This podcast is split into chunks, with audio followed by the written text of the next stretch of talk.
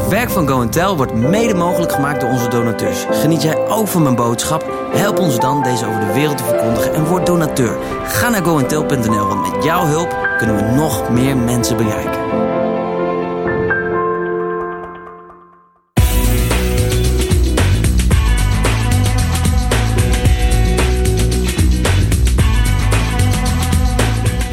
Goed dat je er bent. In de podcast van deze week hoor je waarom Abraham niet in discussie gaat wanneer hij een onmogelijke opdracht krijgt. Luister naar deel 1 van waarom God Abraham een onmogelijke opdracht gaf.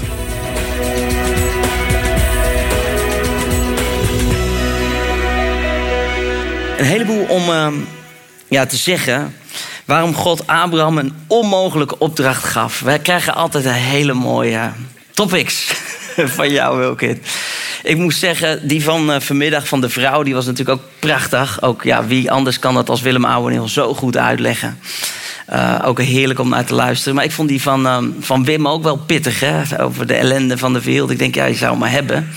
Maar ik vond dat hij het goed deed, toch? Ja, zeker. En ik heb ook een hele mooie. Waarom God Abraham een onmogelijke opdracht gaf. En het leuke is, ik zal je meenemen in hoe zoiets bij mij gaat. Als ik weet dat ik hier mag spreken, dat weet ik altijd ver van tevoren. Soms zelfs heel ver, dat wordt steeds veel verder van tevoren. Um, maar heel vaak met die vraag en dan dus ook de lijn en het onderwerp, als ik dat lees en inkijk, dan beginnen mijn gedachten daarover te gaan. En dan ga ik door de weken en door de maanden heen als een soort vangnet in mijn telefoon. Zo af en toe komt er een gedachte, één hier, één daar. En dan ben ik gewoon opmerkelijk voor wat er op mijn pad komt. En opmerkelijk voor wat er in elkaar klikt. En zo ontstaat er een verhaal. En uiteindelijk orden ik dat. En denk ik na over welke dingen er nog bij komen. En wat ik vanavond met je delen ga, is dus zo'n ja, gevormd verhaal. En toen ik dit onderwerp kreeg, dacht ik dus ook: waarom vraagt hij mij om hierover te spreken? En dat heeft te maken met het maken van dat offer. Uh, weliswaar dat ik de verste verte niet zou willen vergelijken met dat ik zou kunnen doen wat Abraham hier deed. Dat is het enige waar ik echt met angst en tranen in mijn ogen ook wel tegen God heb gezegd. Ik zeg, Heer, ik wil alles doen, maar mijn kinderen, dat kan ik niet. Alsjeblieft. Gelukkig herinnerde God mij er toen aan: joh, luister, ik heb mijn zoon gegeven zodat je die van jou niet hoeft te offeren. Ik denk, oh ja. Gelukkig. Maar soms zijn er zelfs in die dingen, hè, het is afhankelijk van de betekenis die je eraan geeft, maar als hele moeilijke dingen gebeuren en je denkt, oh dat is God die het van me vraagt of van me afneemt. We leven in een ingewikkelde wereld, maar ik ben ervan overtuigd dat God al het moeilijke, het lelijke kan omkeren tot prachtig mooie dingen. Daar is die meester in. Als het leven bedoeld zou zijn dat wij als christenen zonder pijn en zonder teleurstelling door het leven zouden gaan, dan had God ons nooit in deze wereld geboren laten worden. Dus wat is dan het doel van het leven? En ik vermoed, en ik heb net gehoord dat ik inmiddels al wat ouder word, dus nu mag ik dat soort dingen misschien wat zeggen. Ik vermoed dat het Gods bedoeling is dat wij door de pijn van het leven zijn onvoorwaardelijke liefde leren kennen. Door de barensweeën van alles waar we doorheen gaan, uiteindelijk komen op die ene plek van waar het allemaal om draait. En het mooie is dat je daar nu, in het hier en nu, al in kan leven. In die overgave, want dat is uiteindelijk waar het om gaat en waar we naartoe gaan. Dat is ook wat ons mooier maakt, sterker maakt en vormt. Um, ik denk dat het mooi is en ik wil je gewoon meenemen ook naar dit Bijbelverhaal. Om er samen eens naar te kijken van wat gebeurt daar nu precies en hoe bijzonder en tegelijkertijd ook bizar is het um, wat hier gebeurt. En er zijn een heel aantal dingen die hier ook aan vooraf gaan. En die zal ik er later wat bij pakken als dat past. Maar dit verhaal staat centraal vanavond. Genesis 22, vers 1. Enige tijd later stelde God Abraham op de proef. Abraham, zei hij. Ik luister, antwoordde Abraham. Roep je zoon. Je enige, van wie je zoveel houdt. Isaac. En ga met hem naar het gebied waarin de Moria ligt. Daar moet je hem offeren op een berg die ik je wijzen zal. De volgende ochtend stond Abraham vroeg op. Hij zadelde zijn ezel nam twee van zijn knechten en zijn zoon Isaac met zich mee, hakte hout voor het offer en dan ging op weg naar de plaats waarover God had gesproken. Heel korte pauze, tot hier toe al ben ik diep onder de indruk van hoe dit plaatsvindt. God die stelt hem op de proef, geeft hem een opdracht en je ziet eigenlijk dat Abraham niet met God in discussie gaat. Ik vind dat echt indrukwekkend. Geen argumenten. Nee, er staat dan de volgende ochtend wordt hij wakker en hij begint het te doen wat God had gezegd dat hij doen moest. Op de derde dag zag Abraham die plaats in de vette liggen. Dus dat betekent dat ze een offerplaats bereiken waar ze drie dagen over doen voordat ze er überhaupt over komen. Wat gaat er door je hoofd als je drie dagen lang moet nadenken over wat je moet loslaten op die berg? Kijk, de plaatjes uit de kinderbijbel en dit is op de berg, en een hoop takken en een, en een ram natuurlijk in de bosjes. Allemaal mooie. Maar dit is een, een, een, een, route van sterven geweest. Een route van, oké, met elke stap die ik zet realiseer ik me dat ik het los moet laten. Dat ik het terug moet geven. Dat het niet van mij is. In al mijn uh, betogen, spreekbeurten ontmoette ik een keer een jongen op een of andere, ik weet niet meer, het was een soort gemeenteweekend slash jongerenweekend, ik weet het niet meer. Uh, maar ik, ik zou er wel delen. En ik sprak een jongen die zat tijdens lunch bij mij aan tafel. En die zei tegen mij, David, zei hij, weet je wat ik zo moeilijk vind? Ik vind het zo moeilijk om mijn leven in de handen van God te leggen. Dat ik het in Gods handen leg en dat het, dan, dat het niet meer van mij is. Dat vind ik het allermoeilijkste wat er is. En toen keek ik hem aan en toen vroeg ik aan hem. Ik zei, ja, maar ik zeg, waar denk jij dan dat het nu is? Ze keek hem zo aan. Ik zeg, denk je echt dat je er wat over te zeggen hebt? Ik zeg, want als je tijd is of God die haalt je nu naar huis, dan gebeurt het toch wel hoor. Je, dus je kan volgens mij maar beter berusten in het feit dat God jouw leven in zijn handen heeft. En dat maakt het een hele andere invalshoek. Je kunt met de rivier meebewegen of er tegenin blijven zwemmen. Je kunt met de wind meegaan of er tegenin blijven lopen. Ik denk echt dat als je denkt dat jij je leven onder controle hebt. En tuurlijk, geloof.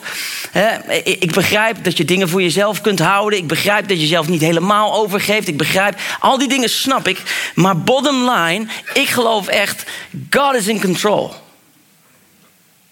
Je kan er maar beter zo snel mogelijk achter komen. En het goede nieuws ervan is dat hij ook nog het goede met je voor heeft. Ik zou zeggen, dan deal. De derde dag zag Abraham die plaats in de vette liggen. Toen zei hij tegen de knechten: Blijven jullie hier met de ezel? Ik zelf ga met de jongen verder om daar ginds neer te knielen. Daarna komen we naar jullie terug. Dit zijn ook spannende woorden. Was die profetisch? Was hij aan het proclameren? Was hij aan het ontkennen? Was hij zijn ziel aan het overschreeuwen, zoals Wim vanmiddag zo mooi zei? Of had hij dat rotsvaste vertrouwen dat hij zei: Ja, ik ken God nu al lang genoeg. Ik weet niet hoe hij dit bedoelt, maar ik denk dat we terugkomen. Of liet hij zijn knechten daarachter, omdat hij wist: als die erachter komen wat God tegen mij gezegd heeft, dan gaan ze me ervan weerhouden om te doen wat God van mij gevraagd heeft. Wist je dat je sommige mensen achter je moet laten?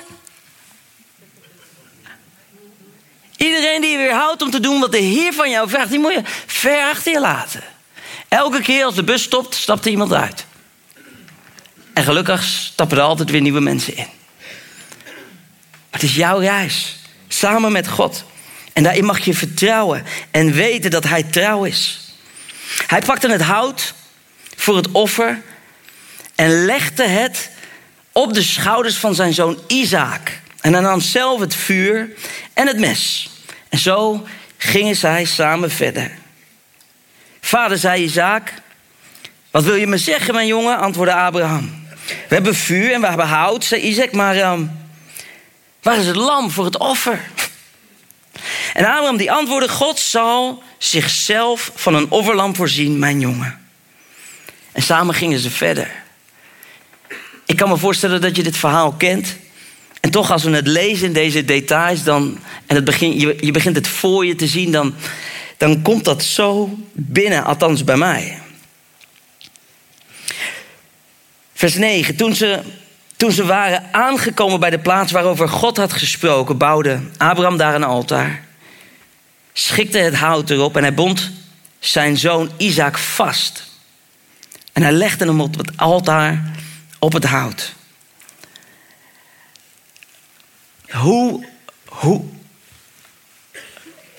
hoe dan? Dit, dit, dit gaat bij mij gewoon niet in.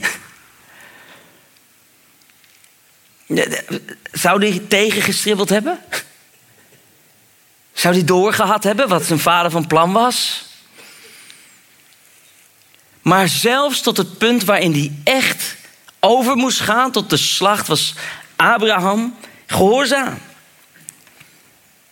Toen pakte hij het mes om zijn zoon te slachten. Dat staat er gewoon letterlijk. En weet je wat de grap is? Althans, dat klinkt heel stom natuurlijk. Dat is niet het goede woord. Weet je wat het bijzondere is? Dat datgene waar hij zo lang op had gehoopt, zo had verwacht, zo God had voor geloofd, wat hij dacht dat nooit meer zou komen, wat hij uiteindelijk kreeg, dat deel wilde God terug hebben. In het Engels zeggen we dan: It doesn't make any sense. Wat moet het in zijn hoofd gedaan hebben? Maar het was voor hem een kwestie van gehoorzaamheid en vertrouwen. Maar een engel van de Heer die riep vanuit de hemel: Abraham, Abraham, ik luister, antwoordde hij. Raak de jongen niet aan. Doe hem niets. Want nu weet ik dat je ontzag voor God hebt. Je hebt me, je zoon, je enige, niet willen onthouden. Toen Abraham opkeek, zag hij een ram die met zijn horens verstrikt was geraakt in de struiken. Hij pakte het dier en offerde dat in de plaats van zijn zoon. Abraham die noemde die plaats, de Heer zal erin voorzien. Vandaar dat men tot op de dag van vandaag zegt, op de berg van de Heer zal erin voorzien worden. En daarna is er opnieuw vanuit de hemel Gods bevestiging over de rijke zegen van Abraham, de belofte, de vermenigvuldiging en al de dingen die God hem belooft op basis van zijn gehoorzaamheid. Toen ik hier voor het eerst over na begon te denken, in de aanloop van deze conferentie, toen dacht ik, ja, waarom moest Abraham zijn zoon Isaac offeren? Iets waarvan hij aan God gevraagd had dat te willen doen. Iets waarvan hij geworsteld had om te geloven dat God zijn belofte zou houden. Iets wat hij dan uiteindelijk krijgt. Iets waar we vanmiddag ook al even naar geluisterd hebben. Wat hij in eerste instantie ook nog in eigen kracht probeerde. Bij een andere vrouw. Die vervolgens natuurlijk ook gewoon door God in al die gebrokenheid, in zijn genade gezegend wordt. Maar het was wel een eigen poging. En toen dacht ik, heeft het feit dat God aan Abraham vraagt: Ik wil dat je je zoon offert aan mij, heeft dat met Isaac te maken of heeft dat met Abraham te maken?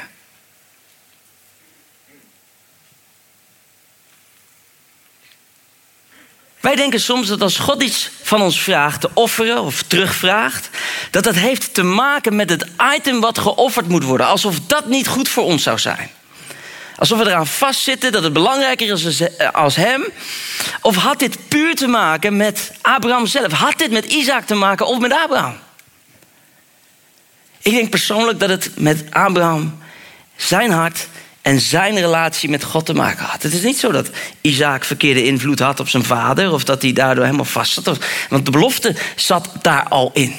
Maar ik denk dat het alles te maken had met het feit dat Abraham zelf iets had geprobeerd tot stand te brengen, waardoor deze test opnieuw in zijn leven terugkwam.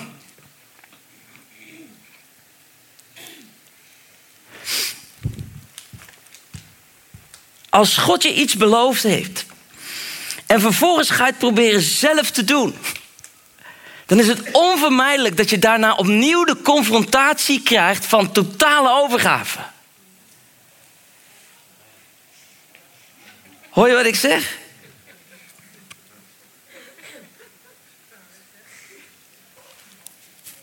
Het is best wel een. Uh, zo, zo werkt mijn hoofd. Hè. Sommige mensen worden daar moe van. Ik zelf ook wel eens. Na te denken over de dingen die je in eerste instantie niet ziet. Als God iets van je vraagt, of als God jou iets belooft, dit ga ik doen, en vervolgens zeg je, ja, u heeft het wel gezegd, maar ik zie het nog niet, dus laat maar even zus, laat maar even zo. Dan pak je het weer in je eigen handen. En dan is het dus zaak dat God dus weer bij je langskomt en zegt, joh, ik heb het echt terug nodig, want anders zeg je straks nog dat jij het hebt gedaan. Oh ja, Heer, ik, ik geef het terug aan u. Ik mag het en ik moet het ook teruggeven aan u. Pas als jij, dat is ook een mooie, je oude vorm opgeeft, maak je ruimte voor de nieuwe manier. Pas als je loslaat en offert, wat je eigen probeerselen zijn, creëer je ruimte voor wat God wil doen. Vorig jaar, in volgens mij september, is een van onze geloofshelden van Nederland. We hebben al die oudere mannen en vrouwen gods. We hebben vandaag de naam van Corrie ten nog even voorbij gehoord. En ik vind het heerlijk dat, uh, dat, dat, dat mensen als, uh, als Willem Ouweneel nog in ons midden zijn. Maar die lichting daarboven die wordt steeds dunner. Broeder Zelstra is eh, tot de heerlijkheid gegaan. En Reinert is tot heerlijkheid gegaan. Maar ook broeder Anne van der Bijl is naar de Heer gegaan. Oprichting, op, oprichter van, van Open Doors. Een goede vriend ook van Corrie ten Boon. En ik weet nog goed dat in die paar ontmoetingen dat ik met hem contact mocht maken. Dat ik altijd diep onder de indruk was van hoe eenvoudig hij in het leven stond. Hoe makkelijk hij God vertrouwde met de meest moeilijke thema's in het leven.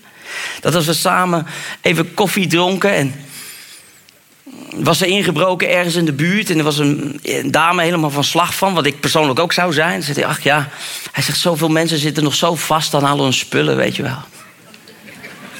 Hij zei, ik heb dat ook wel eens gehad. Ik, ik, ik draaide hem om en ik ging slapen. David zegt, het maakt me allemaal niet meer uit.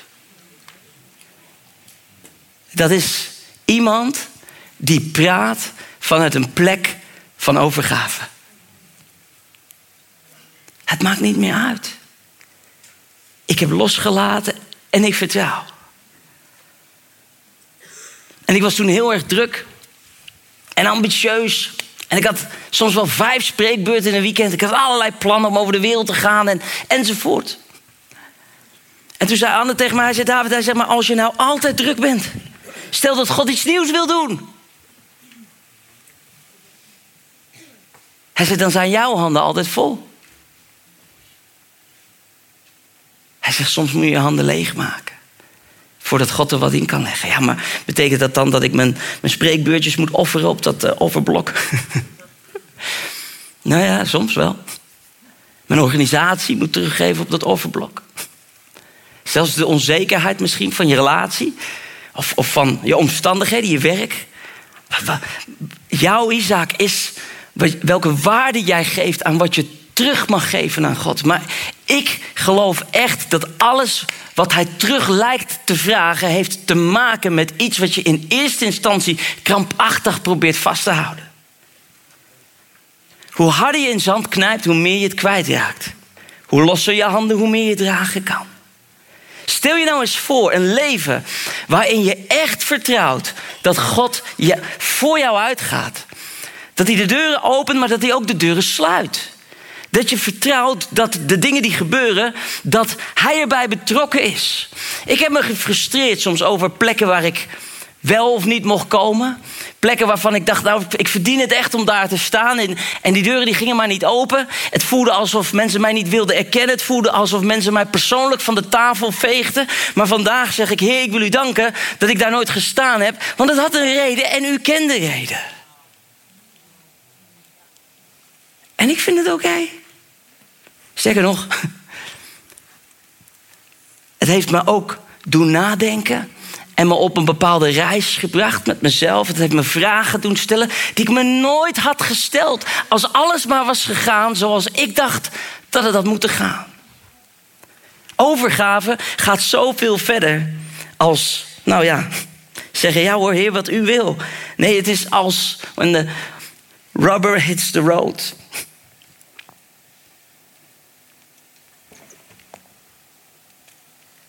Weet je wat ik heb opgeschreven? Abraham die gaf het terug, maar hij gaf niet op. Dat is ook echt een hele mooie. Heb je, ik moet je echt registreren. Iets teruggeven aan God betekent niet iets opgeven. En die twee die verwarren wij soms met elkaar. En u zegt dus dat als ik iets moet geven, ja, dan, dan is alles weg en dan ben ik klaar. En dan zegt God, dan gaan we beginnen. Ja maar, dan, ja, maar dan heb ik niks meer. Ja, maar dat is ook de bedoeling. Maar opgeven, weet je wat dat is? Opgeven zeggen, nou hier, u, u, hier heeft u het, maar voor mij hoeft het niet meer hoor. Ik ga weer naar beneden. Ja zeggen tegen God. Teruggeven heeft te maken met van Heer, als u het wil, als u het anders wil, is, is prima. Maar u kunt me vinden hier bij dit altaar. En ik wacht totdat u instructies geeft. Waarmee ik weer terug naar huis kan gaan. Zelfs als dat betekent dat het niet is wat ik dacht dat het had moeten zijn. Vergeet niet dat tijdens het offeren van zijn zoon openbaarde God zich als Jehovah Jireh, de voorziener. In de offering, in de opgave geef je de kans aan God om voor jou het onmogelijke over te nemen. Het zit hem in het loslaten. Het zit hem in het, ik weet het niet en het kan misschien anders en het kan misschien anders loslaten. Maar ik, ik weet dat als ik het aan u geef, dat het in veilige handen is.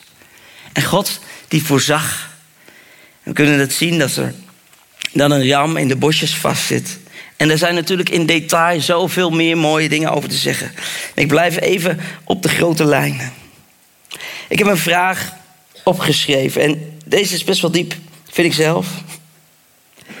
En dat is de volgende. Leef je een leven van offeren of leef je een leven van gehoorzaamheid?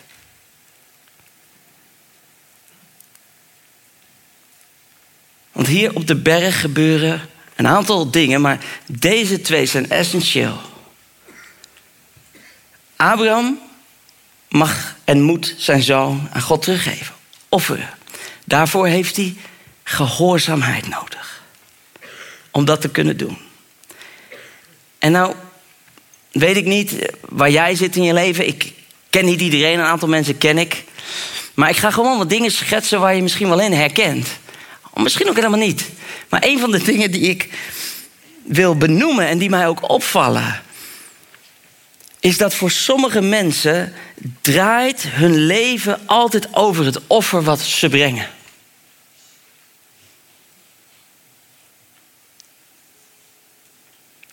Ik heb er wel offers gebracht hoor, als kleine jongen.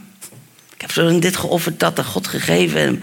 Ik weet nog goed, in een van de eerste ontmoetingen die ik had, en ik zeg hierbij niet dat het in zijn situatie zo is, maar ik ontmoette broeder Jan Zelstra en ik was toen nog echt een kleine snotaap. Wat zei Willem Ouweneel ook weer over apen en mannen? Als ze ook maar iets meer hebben als een aap, dan was het al heel wat. En ik zei tegen broeder Jan Zelstra, ik zei...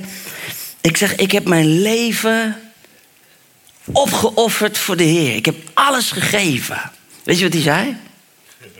Oh ja? Wat had jij op te offeren dan? Ik was nog super jong, weet je een carrière met dingen. Hij zei, ik had een hele slagerij op te offeren. Familiebedrijf, dit, dat, zus, zo, offers gebracht. En eh, met respect en indruk hè, spreek ik over. Ja. Ik hou van die man. Maar tegelijkertijd vraag ik mij af: gaat ons leven met God over onze offers? Of gaat het over onze gehoorzaamheid?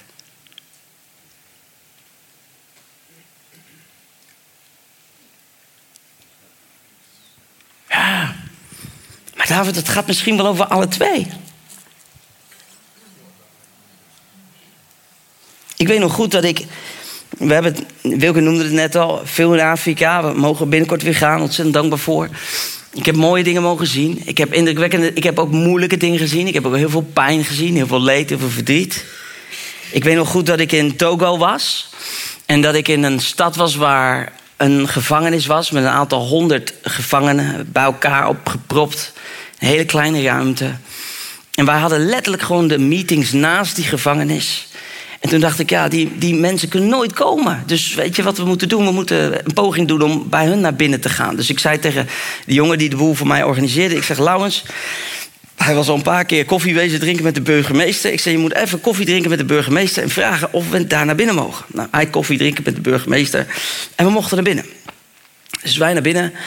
Uh, en ik mocht het evangelie preken. Heel veel van hun gaven hun hart aan de Heer, maar echt gewoon verschrikkelijke omstandigheden waar die mensen met elkaar in moesten leven. Wat echt wonderbaarlijk is dat ik één, twee jaar later hoorde via via dat vlak daarna de president gratie had gegeven aan heel veel van die gasten. Waren allemaal vrijgekomen. Er zijn allemaal mooie dingen gebeurd.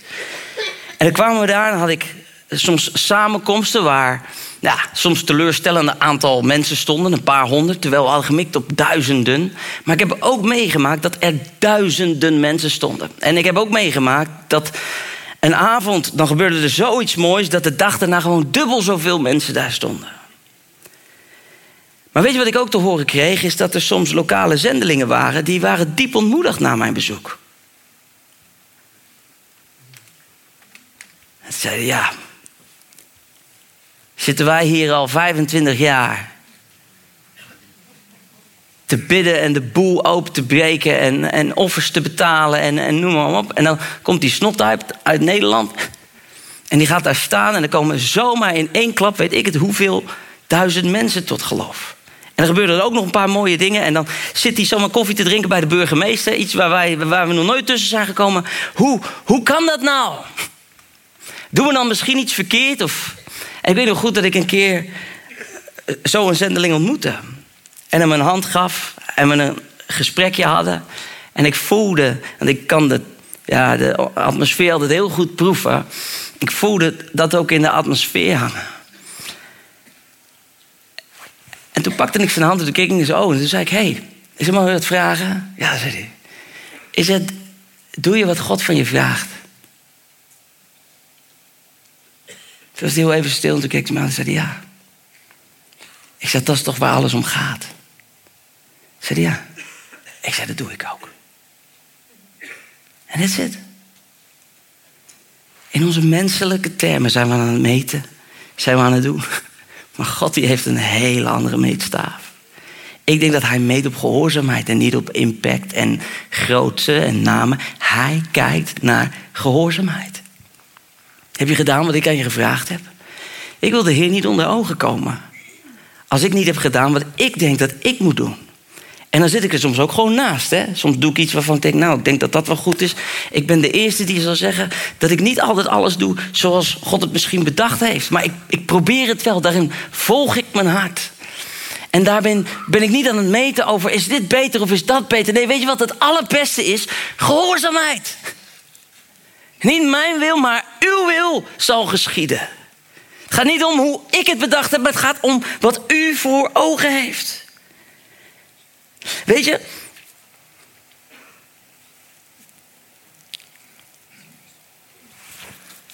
Ik heb nog weer dingen. Ik moet, oh, de dingen die ik opschrijf in mijn eigen telefoon zijn altijd ongenuanceerd. En ik realiseer me dat ik ze soms een beetje vertalen moet om ze goed uit te leggen. Leef je een leven van offeren of leef je een leven van gehoorzaamheid? Daar gaan we. Als je leven altijd gaat om het offer, dan zul je een andere uitkomst naar jouw offer altijd moeilijk kunnen begrijpen.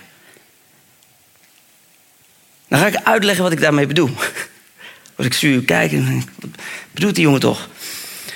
Als mijn leven draait om het offer wat ik breng. Ja? Stel je nou voor dat ik nu denk, nou ik heb, mijn leven is, is zo'n mooi offer. Ik offer dat aan de Heer. En de verwachting die ik heb bij, als ik u dit offer geef, dat u dan dit voor mij zal doen omdat ik geofferd heb. Als je leven gaat om het offer, dan zeg je: Ja, maar ik heb mijn baan opgegeven voor u. Ik heb mijn familie voor u verlaten. Ik heb u wel 500 euro overgestort terwijl ik maar 600 had. En nu ineens is het er niet meer. Nu ineens is het anders als dat ik had gedacht dat u het zou doen. En ik heb nog wel zo geofferd. Hoe kan dit dan? Weet je wat leuk is? Als je leeft in een leven van gehoorzaamheid, dan is een andere uitkomst geen probleem. Waarom? Omdat je gehoorzaam bent geweest.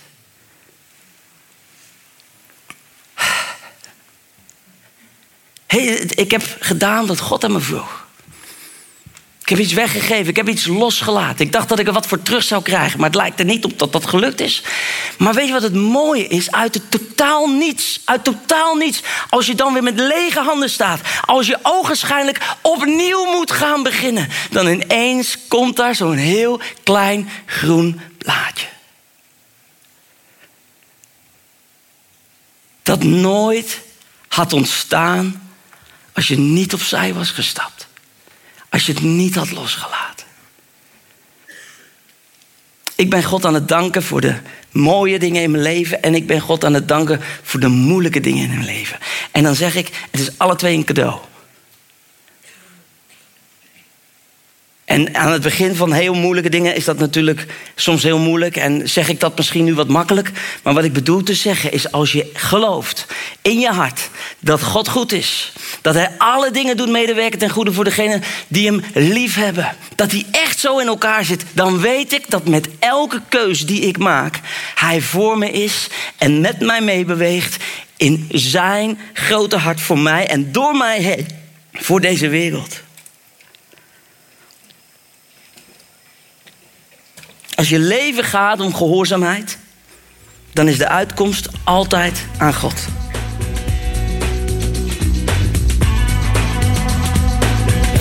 Tot zover deel 1. Reageren kan altijd op info.goentel.nl. De nieuwste blogs, video's en overdenkingen vind je ook in de Simply Jesus app. Download hem vandaag nog in de App Store of op Google Play. Zo blijf je altijd op de hoogte. Simply Jesus, our message to the world.